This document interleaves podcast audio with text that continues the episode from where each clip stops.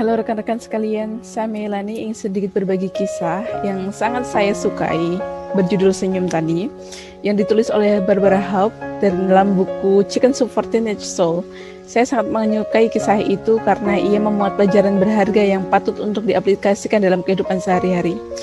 Tersenyum pada lelaki tak dikenal yang sedang murung. Senyum itu tampaknya membuat perasaannya lebih baik. Lelaki itu teringat kebaikan seorang temannya dulu dan menyuratinya untuk berterima kasih. Temannya sangat senang menerima surat itu, sehingga ia meninggalkan tip besar saat makan siang.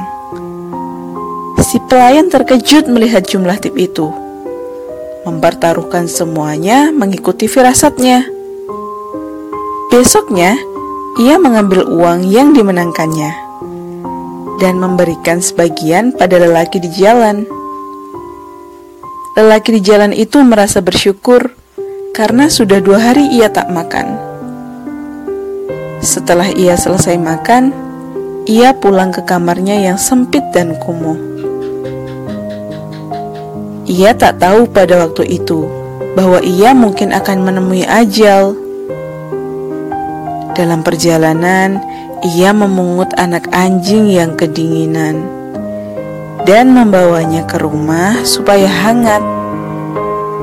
Anak anjing itu sangat bersyukur, tak lagi di luar didera badai. Malamnya, rumah itu terbakar.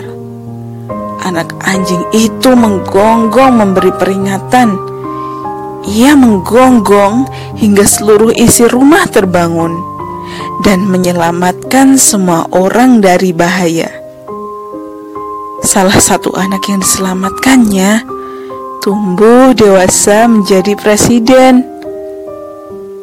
Semua ini karena sebuah senyum yang tak membutuhkan uang satu sen pun.